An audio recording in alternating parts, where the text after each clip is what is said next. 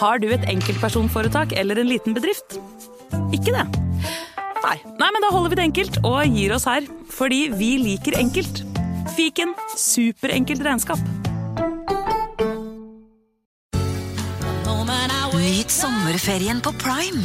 I'm here to show you a wonderful place. Had a rough week. Opplev spennende turer. Så kan dette bli veldig farlig. Finn sommerkjærligheten. You're like a Coachella. Hi. Hi. Se på Fallout, Furia eller The Idea of You. Okie dokie. Og gjør deg klar for en sommer full av eventyr. Bare på Prime. Krever abonnement på Prime Video. Velkommen til Kjemperådet! Hey! Vi har fått inn et kjempenytt problem fra en mor. Jeg leser. Hei, jeg har en datter på 11 år som vurderer å slutte med orientering. Hun elsker jo å løpe, men finner aldri veien. Og jeg må sitte så lenge i bilen og vente. tricky. Ja, men ja dette her har jeg opplevd selv, faktisk. Og løsningen for meg ble da Maps på mobilen. Ja, hun er jo under 13 år. og Da får hun 5 gigabyte data for bare 149 kroner med Telenor. Oi. Hun bør jo sjekke ut nye mobilabonnement på telenor.no, da. Yes! Advarsel. I denne podkasten vil du høre historier basert på informasjon programlederne har funnet selv.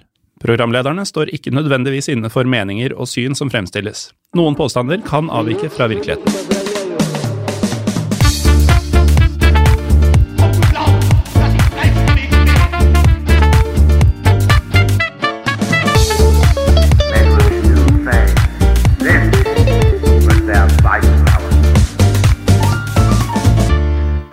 Og velkommen til en ny episode av Historiepodden WW2, populært kalt Historiepodden andre verdenskrig. Mitt navn er som alltid Jim Fosheim.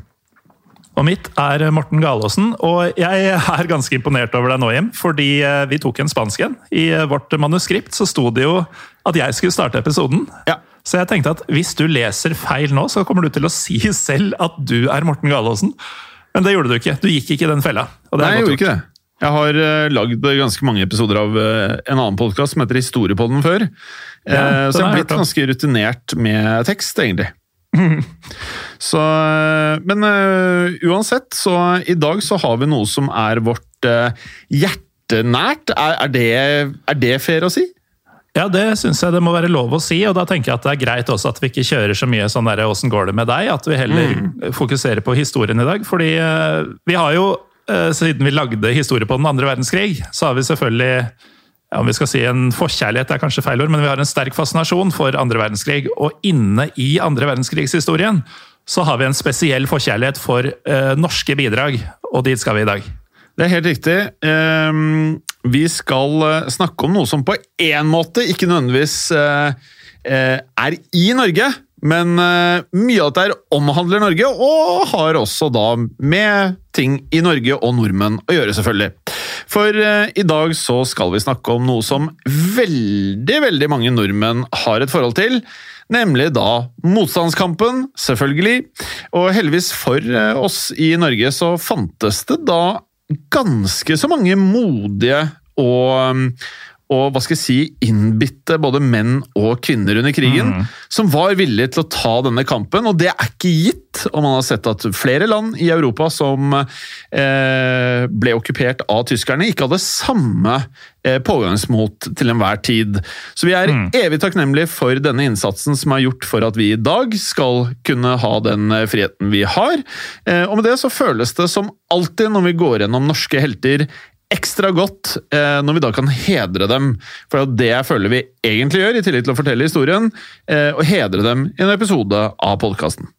Ja, det er definitivt det vi skal prøve å gjøre i denne episoden. Og for å være enda mer eh, spesifikke, så skal vi da i dag snakke om den legendariske Shetlandsgjengen og deres innsats under krigen. Og dette er jo en historie som mange har et forhold til, men som noen, eh, og antagelig mange, kanskje uansett ønsker å vite mer om. For dette er i høyeste grad, Jim, en meget interessant eh, historie. Det er den. For historien om Shetlandsgjengen den starter egentlig allerede i det øyeblikket de tyske soldatene da marsjerte opp Karl Johan den 9. april 1940. Eh, og Tyskland klarte jo da på kort tid å ta kontrollen over Norge, noe som da førte til at eh, mange prøvde å flykte, naturligvis. Og det var heller ingen enkel oppgave, siden de tyske soldatene da kontrollerte de aller fleste utfarts- årene. Men likevel så klarte et 30-talls fiskebåter å komme seg over til Shetland i løpet av den første tiden etter okkupasjonen. Og på disse båtene var det til sammen 200 flyktninger og 100 britiske soldater. De britiske soldatene de var blitt sendt for å bistå i kampen mot tyskerne, men da de skjønte at slaget var tapt, så fikk de altså bli med de sivile fartøyene over havet. Ja, De gjorde heldigvis det, og reisen over eh, Nordsjøen til nettopp Shetland var regnet for å være ekstremt farlig. Eh, gjerne mye pga. sterke strømmer, og også da generelt svært værutsatte områder. Så disse fiskebåtene de eh, klarte likevel å komme seg trygt over uten de største av problemer. For de som da styrte disse båtene, mente at reisen hadde gått såpass bra at de da burde dra tilbake for å hente enda flere flyktninger, noe de også gjorde opptil flere ganger den første tiden av krigen. Ja, Det viste seg raskt at de norske fiskebåtene hadde få problemer med å komme seg inn til norskekysten, og dette ga britene en idé. De visste at de umulig kunne greie å komme over Nordsjøen med britiske skip og soldater uten at tyskerne angrep, men ved å bruke norske fiskebåter så ville det være mulig å få sendt over agenter og utstyr til motstandskampen i Norge. Helt riktig, så det britene da bestemte seg for, var jo da å organisere disse turene over Nordsjøen ytterligere. Og i november 1940 ankom major L.H. Mitchell til Shetland for å kontrollere og også styre overfarten. Og i tillegg til å hente norske flyktninger, skulle båtene da også smugle radiosendere, våpen, agenter og ammunisjon inn til Norge. For Mitchell var det også et viktig poeng at førerne av disse båtene skulle være nordmenn. Ja, og det var det flere grunner til. For det første så kjente de norske fiskerne Nordsjøen eh, som sin egen bukselomme, nærmest. Og hadde derfor de beste forutsetningene av alle til å klare selve overfarta. Det andre poenget var at hvis de ble stoppa av tyskerne, så ville de kun fremstå som helt vanlige norske fiskere, som de da tross alt også egentlig var. Og Mitchell han var sikker på at britiske fiskere ville skape mye større problemer, og mannskapet måtte derfor utelukkende bestå av nordmenn. Ja, Og denne overfarten, eh, Morten, har fått et eh, ja, interessant eh, kallenavn. Ehm, For den gikk ganske så fort under navnet Shetlandsbussen. Og det var jo ingen buss, dette her. Det var slettes ingen buss, dette her, Morten, og heller var det ikke bussjåfører på båtene. For de norske sjømennene som da skulle gjennomføre disse oppdragene, fikk navnet Norwegian Naval Independent Unit, altså enheten som på folkemunne også ble kalt Shetlandsgjengen. Og Shetlandsengen skulle stå for all militær trafikk over Nordsjøen på vegne av norske myndigheter. Eh, Det var likevel eh, britene som da hadde kommandoen, er verdt å legge til. da. Men dette her, Morten, er jo eh, veldig fascinerende at disse fiskerne her da sto for det som var av militærtrafikk. Dette var også helt nytt for meg før episoden. Ja, og så er det jo litt sånn eh, Hver gang jeg hører eh, uttrykk som 'gjengen', eh, så tenker jeg på en faktisk liten gjeng bestående av kanskje titalls stykker. eller noe sånt. Men i løpet av krigen så var det rundt 300 nordmenn som utgjorde den såkalte Shetlandsgjengen. Men dessverre så kan vi ikke nevne alle 300 i denne episoden. Men det finnes likevel noen navn som man ikke kommer unna når man skal fortelle denne historien. Og ett av de navnene er Leif Andreas Larsen, som på mange måter er selve ansiktet utad for Shetlandsgjengen. Og mange kjenner han kanskje også bedre under navnet Shetlands-Larsen. Ja, og det er ingen tvil om at Larsen eh, var ekstremt viktig for denne historien. For allerede som 16-åring dro Larsen ut på sjøen, og han tjenestegjorde som matros. Og havet var da altså tidlig Larsens eh, naturlige habitat. Og gjennom hele 1930-tallet så jobbet Larsen på ulike båter, før han i 1939 meldte seg frivillig til å delta i vinterkrigene i Finland. Så det er jo en helt. Absolutt. Han er det allerede, og krigen har ikke begynt ennå, for vår del. Og etter at kampene i Finland var over, så dro han tilbake hjem til Norge, der han da sluttet seg til troppene som kjempet mot den tyske okkupasjonen. Etter hvert så forsto Larsen at det ikke var så mye han fikk gjort hjemme i Norge, og bestemte seg derfor for å dra over til Shetland. Og denne overfarta fant sted den 9. februar 1941, altså etter et snaut år med krig i Norge. Og med seg i båten hadde han en gruppe kamerater. Etter ankomst Shetland så tok det ikke lang tid før Larsen og de andre ble overført til Norwegian Naval Independent Unit. Er helt riktig, og Larsen han hadde jo da ingen eh, formell utdannelse, og ble derfor i første omgang satt til å være maskinist. Det skulle likevel ikke ta så veldig lang tid før Larsen selv tok kommandoen, for det var tross alt ikke vanskelig angivelig da å se at han var en svært dyktig sjømann, som i tillegg hadde en sterk fysikk, for mange av Shetlandsgjengens største oppdrag ble senere ledet av nettopp Larsen, men det får vi komme eh, tilbake til litt senere i episoden. Ja, for først så må vi trekke inn noen andre av heltene fra Shetlandsgjengen. Det var nemlig ikke bare Larsen som tok turen over Nordsjøen i 1941. Eh, en måned før Larsen selv dro, så reiste nemlig den 20 år gamle August Nerø sammen med tre kamerater over til Shetland. De kom fra Ålesund og var alle tilknyttet eh, styrmannsskolen der. Og da de kom frem til Shetland, så ble de straks overført til eh, Shetlandsgjengen. Og etter kun to uker fikk de sitt aller første oppdrag. Og britene de ønsket å få inn en norsk agent til Ålesund, og samtidig hente ut en motstandsleder som tyskerne var i ferd med å røyke ut. Og Nærø og hans mannskap satte derfor kursen mot Norge atter en gang, og denne gangen med fiskebåten Mars. Med seg i båten så hadde de også denne agenten. Ja, og hovedoppdraget til Mars var likevel å hente ut motstandsmannen Harald Thorsvik.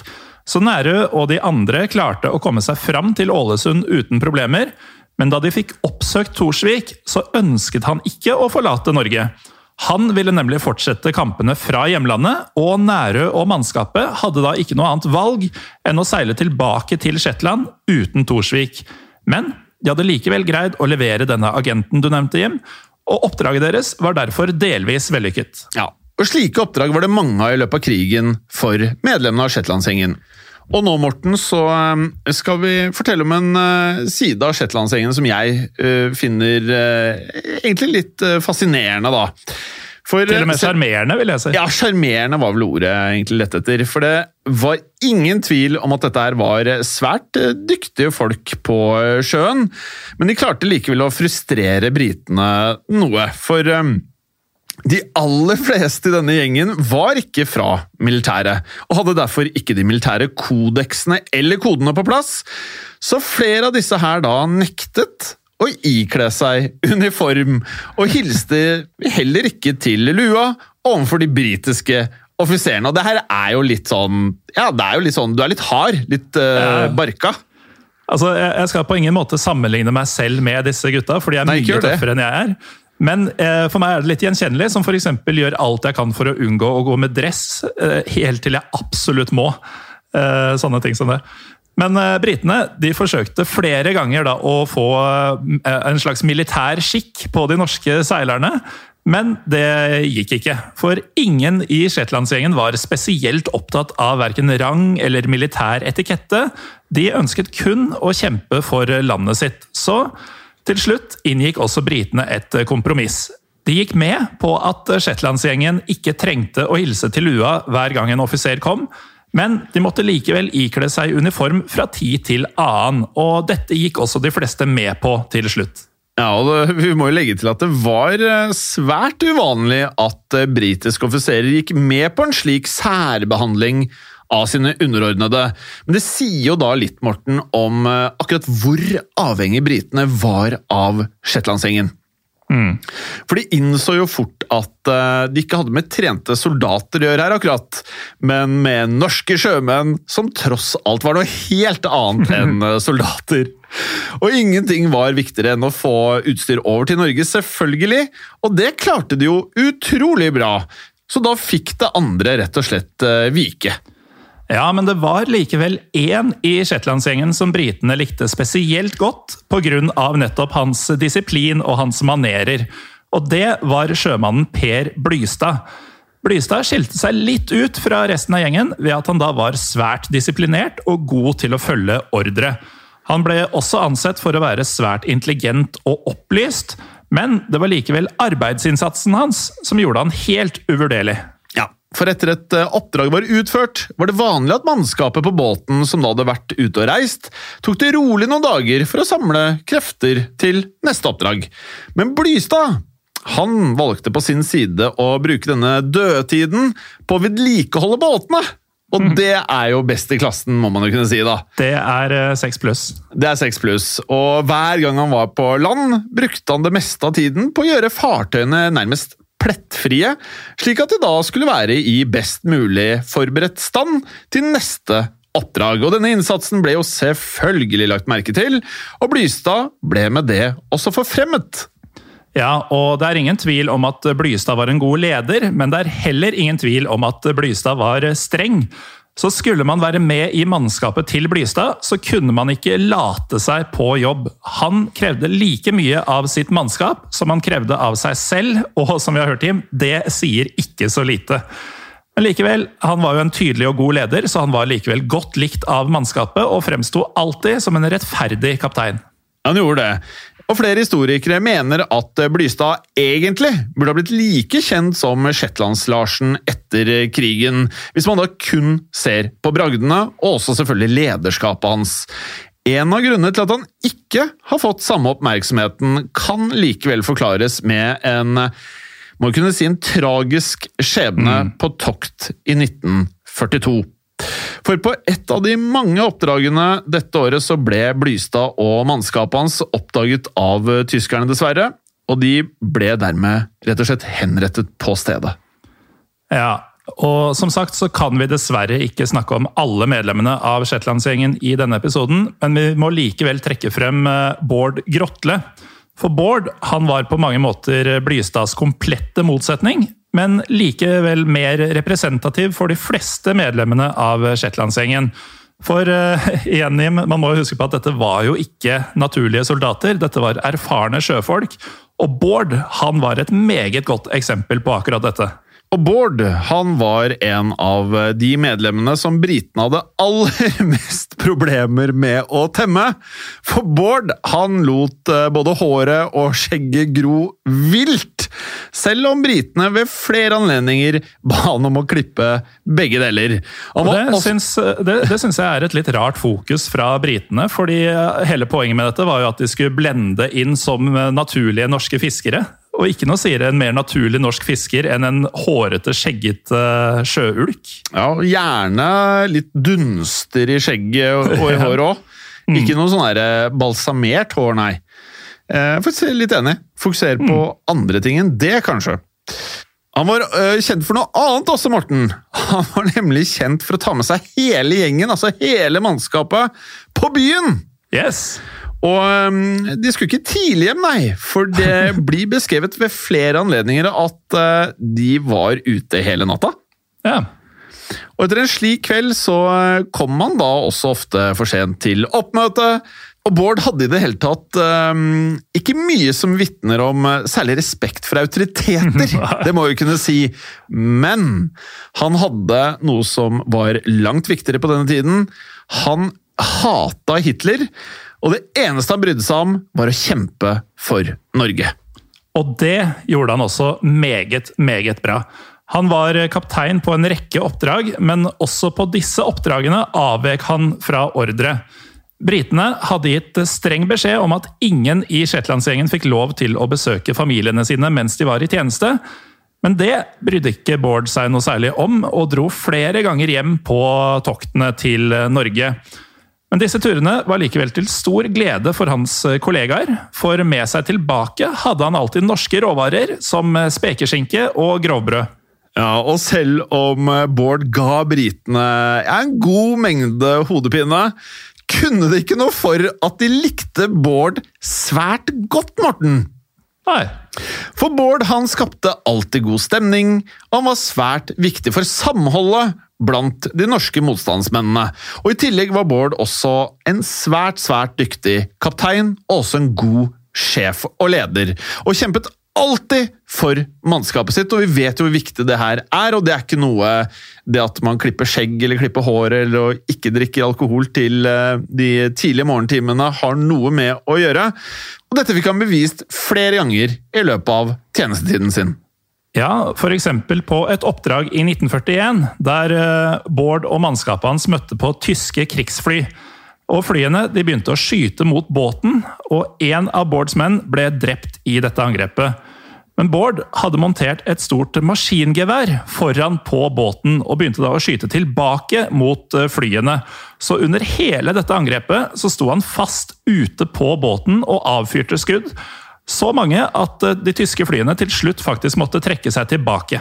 Vet du altså hvor hard du er da? Vet du hva jeg tenker når jeg hører dette her? Ja, Rambo.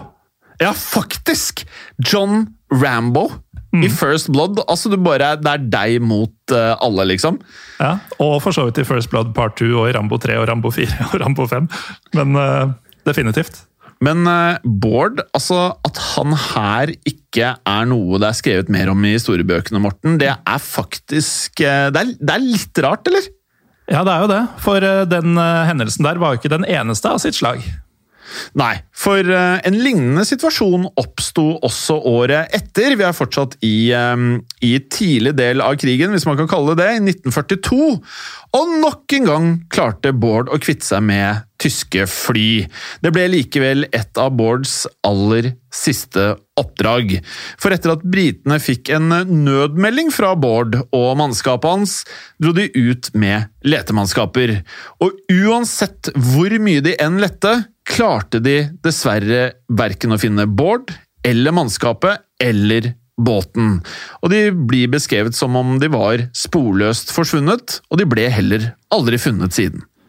Nei, så Det som eh, er hevet over enhver tvil her, er jo at Shetlandsgjengen virkelig gjennomførte disse oppdragene med livet som innsats. og det, det går rett og slett ikke an å overdrive når vi skal snakke om motet som denne gjengen eh, utviste.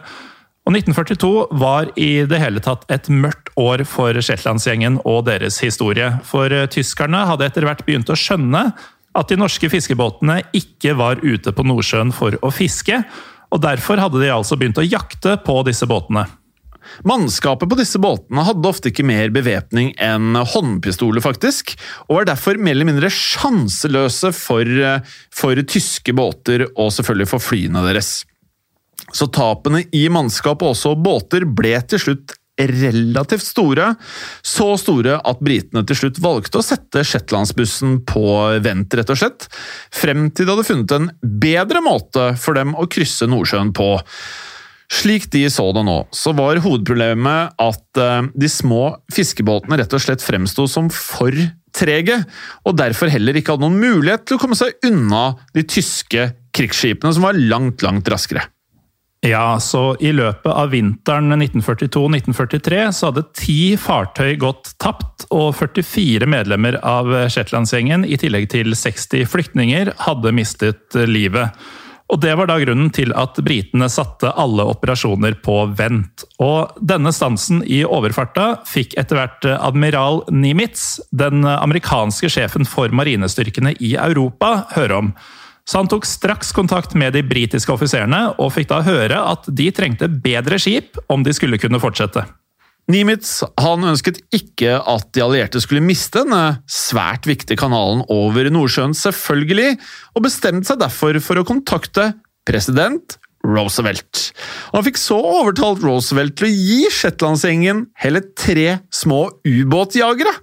Og disse ble kort tid etter sendt til Shetland og fikk navnet KNM Hessa, KNM Vigra og KNM Hitra. Og disse båtene var bevæpnet og svært, svært eh, raske, og dermed kunne Shetlandsengen på ny reise over Nordsjøen. Og Før vi fortsetter denne historien om den utrolige Shetlandsgjengen, så må vi ha en liten pause. Velkommen tilbake til historiepodden andre verdenskrig og denne episoden om Shetlandsgjengen. Før pausen Jim, så snakka vi om hvordan overfarta til Norge fra Shetland hadde måttet stoppe opp fordi de norske fiskebåtene ikke var gode nok. Og Løsninga på dette ble tre ubåtjagere som Shetlandsgjengen fikk i gave fra USA. Og Morten, før vi går videre her, eh, disse båtene har jo et eh, veldig kult navn, altså ubåtjager. På engelsk så heter det faktisk direkte oversatt bare en submarine chaser, som høres dødskult ut. Det høres dødskult ut, både som eh, båt og som eh, drink, egentlig. Vet Det er vel bare du som hadde tenkt på det her som en drink, men ja. Kanskje. Men eh, det en ubåtjager er, da, det er jo da et eh, relativt en liten båt, på en måte, som eh, er utrusta for jakt på ubåter. Så planen var jo da å klarne Nordsjøen for tyske ubåter, sånn at Shetlandsbussen kunne fortsette. Og disse her tok jo eh, faktisk et eh, mannskap på opptil 30-60 pers, og hadde en toppfart på omkring 20 knop. Eh, og en ubåtjager hadde da som, som våpen, altså synkeminer, i tillegg til en sekundærbeskytning, normalt bestående av mitraljøser og også kanoner, faktisk. Så dette var Så- noe annet enn fiskebåtene.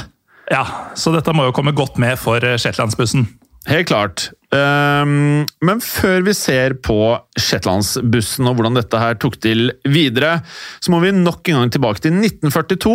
Og som dere sikkert husker, før pausen så pratet vi om den mest kjente personen i Shetlandsgjengen, nemlig Shetlands-Larsen.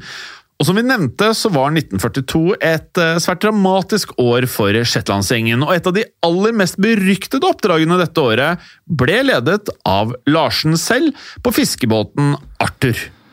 Ja, Britisk etterretning hadde fått vite at det gigantiske tyske slagskipet, og nå kommer et kjent historie på den navn hjem, Ja. Tirpitz, hadde kommet til norskekysten. Og det, dette er jo dette superskipet til eh, nazistene som hadde sånne James Bond-skurkeffekter som kunne bare smoglegge hele bukta med noe sånn mm. ja, eksoslignende gass.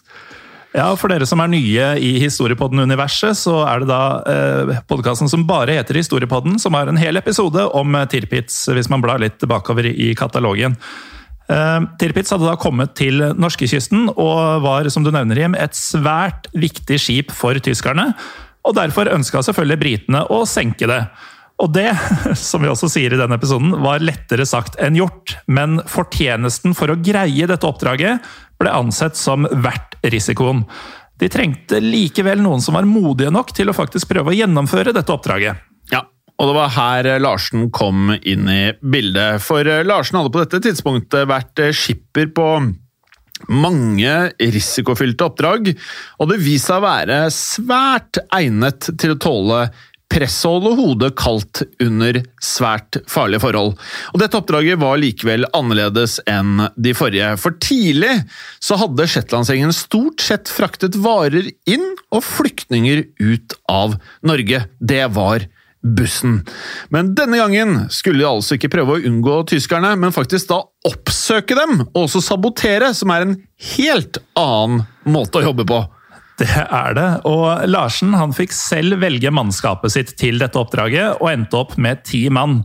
Av disse var åtte nordmenn i Shetlandsgjengen, og to var spesialtrente britiske soldater som skulle gjennomføre selve sabotasjen.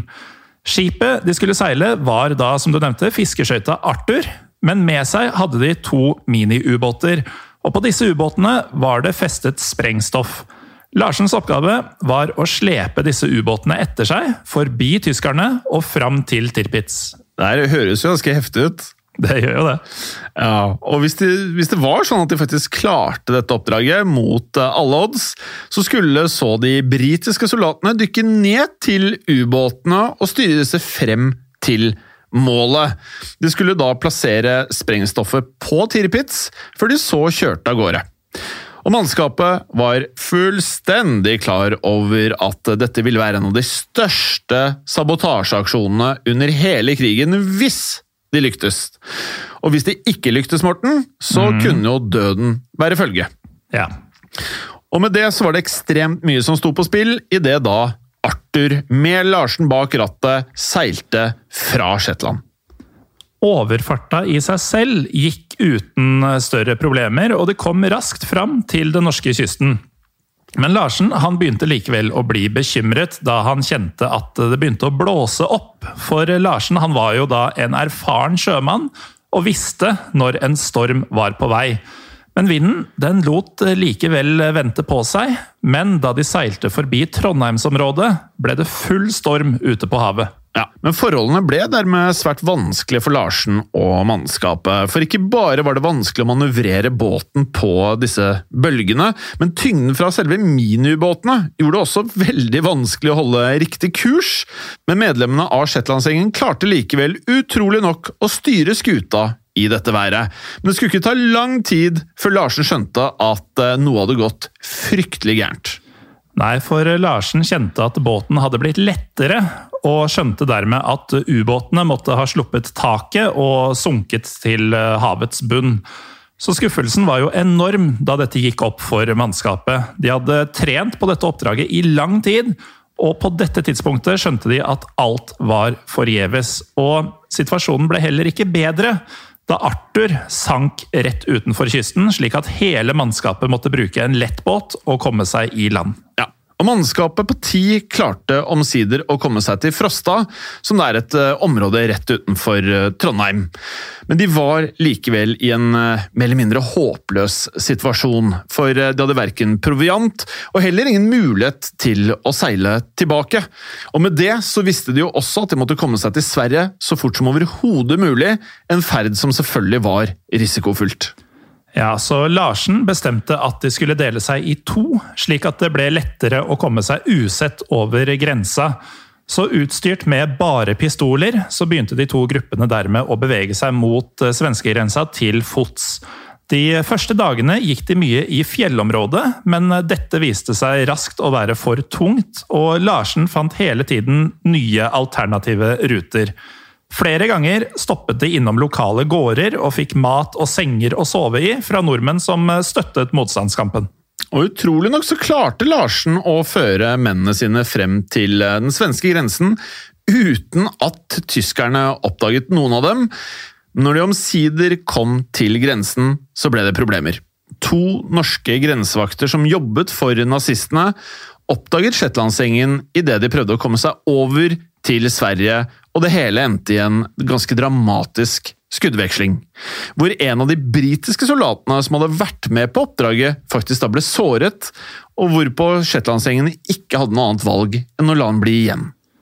Men resten av mannskapet klarte til slutt å komme seg over til Sverige, og etter kort tid så var de nok en gang tilbake på Shetland for å fortsette arbeidet. Så selv om denne operasjonen var mislykket, så står den igjen som en av de mest kjente fra Shetlandsgjengen. Og det er ikke så rart, for måten Larsen klarte å lede sine menn ut av denne krisen på, den vitner om dette vanvittige motet og de gode lederegenskapene som vi nevnte i forrige del av denne episoden at han hadde. Ja, men eh, det var jo likevel et av de oppdragene som førte til at britene ønsket bedre båter før de fortsatte overfarten. Og etter at USA ga dem disse ubåtjagerne, så hevet også da effektiviteten til Shetlandsgjengen. Etter dette gjennomførte Shetlandsgjengen til sammen 114 tokt, der 98 av dem faktisk da var vellykkede, og ingen menneskeliv gikk heller tapt i løpet av denne perioden. Så det viser jo hvor viktig det var å få disse ubåtjagerne fra USA. I eh, perioden mellom 1941 og 1945 så klarte Shetlandsgjengen å hente totalt 373 flyktninger fra Norge. De eh, landsatte 192 agenter i Norge. Og de frakta ikke mindre enn 383 tonn med militært utstyr over til Norge. Og denne bragden, eller disse bragdene, ble gjort gjennom hele 209 ulike tokt. I løpet av krigen mistet også 44 medlemmer av Shetlandsgjengen livet sitt i tjeneste. Ja, og det her er jo helt uh, vanvittige tall de klarte å uh, få til i løpet av denne perioden. Mm. Innsatsen til Shetlandsgjengen under krigen var ekstremt viktig både for Storbritannia, Norge og selvfølgelig for de allierte for øvrig. Og kanalen fra Shetland til Norge var den eneste måten å få utstyr inn i landet på. Derfor ble også flere av de rundt 300 medlemmene dekorert etter krigen for sin innsats for Norge. Det var likevel bare Per Blystad, Bård Grotle og Leif Larsen som ble dekorert med Krigskorset, som er da Norges aller høyeste dekorasjon. Ja, altså Shetlands-Larsen han kom seg aldri veldig høyt opp i det militære rangsystemet pga. manglende utdanning, men ble til gjengjeld tungt dekorert for sin innsats. Så i tillegg til Krigskorset med to sverd, så fikk han en rekke andre utmerkelser, både fra Norge og fra Storbritannia. Og faktisk så var Larsen den høyest dekorerte allierte, ikke bare norske, men allierte marineoffiseren under hele krigen. Ja, ganske vanvittig. Og Historien om eh, Shetlandsgjengen er ikke bare kjent i Norge, Morten, men også langt utover eh, landegrensene, spesielt i Storbritannia, som er lite overraskende. da. Mm. Der man da selvfølgelig prater om disse modige sjøfolkene, og selvfølgelig de modige norske sjømennene som holdt på mellom Shetland og Norge. Og i 1952, for de av dere som er interessert i enda mer informasjon, så ble det også laget en norsk slash britisk spillefilm om Shetlandsgjengen, der eh, Leif Larsen faktisk spiller seg selv. Og denne filmen kan du nå faktisk se på nrk.no, og vi anbefaler alle lytterne våre å sjekke ut denne.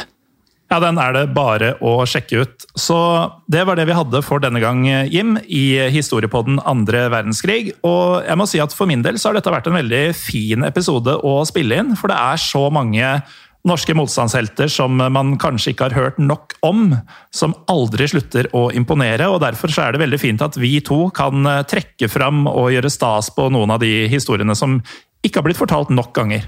Ja, og Hvis det er noen av dere som er i slekt med noen i Shetlandsengen, så del gjerne historier med oss på Facebook-gruppen vår Historie for alle. Gjør gjerne det, og lik oss gjerne på Facebook, altså Facebook-siden vår, Historiepodden Norge. Og følg oss gjerne på Instagram, der vi også heter Historiepodden Norge.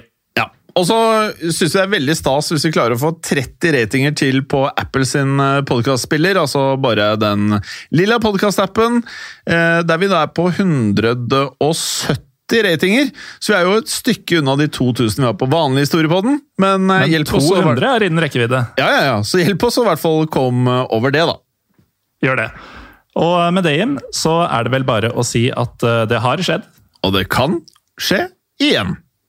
Ha det. Ha det bra. I produksjonen av Historiepodden så ønsker vi å takke Håkon Bråten for lyd og musikk. Takk til Felix Hernes for produksjon. Takk til Ellen Froktenestad for tekst og manus. Og takk til deg, Morten Galesen, for programlederrolle. Og takk til deg, Jim Fosheim, for programlederrolle.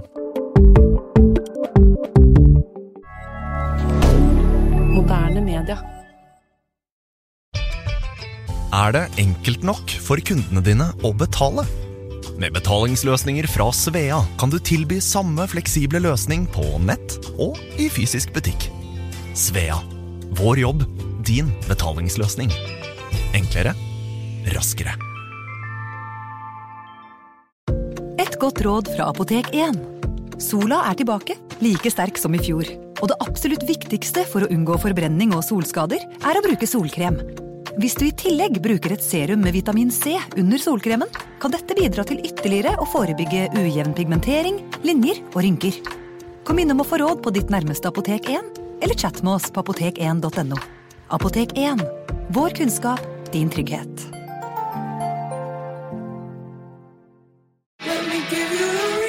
Nå fyrer Kiwi opp grillen med billig sommer- og grillmat. Digge biffer, spareribs, kylling og fisk, you name it. Hva med ca. 1,3 kilo First Price sommerkoteletter av svin til kun 83 per kilo? 700 gram First Price krydra grillribb av svin til kun 104,90. Eller 600 gram Folkets Brooklyn Barbecue grillfilet av svin til bare 139. Utvalget er stort, og prisene, ja, de er alltid lave. Hos Kiwi.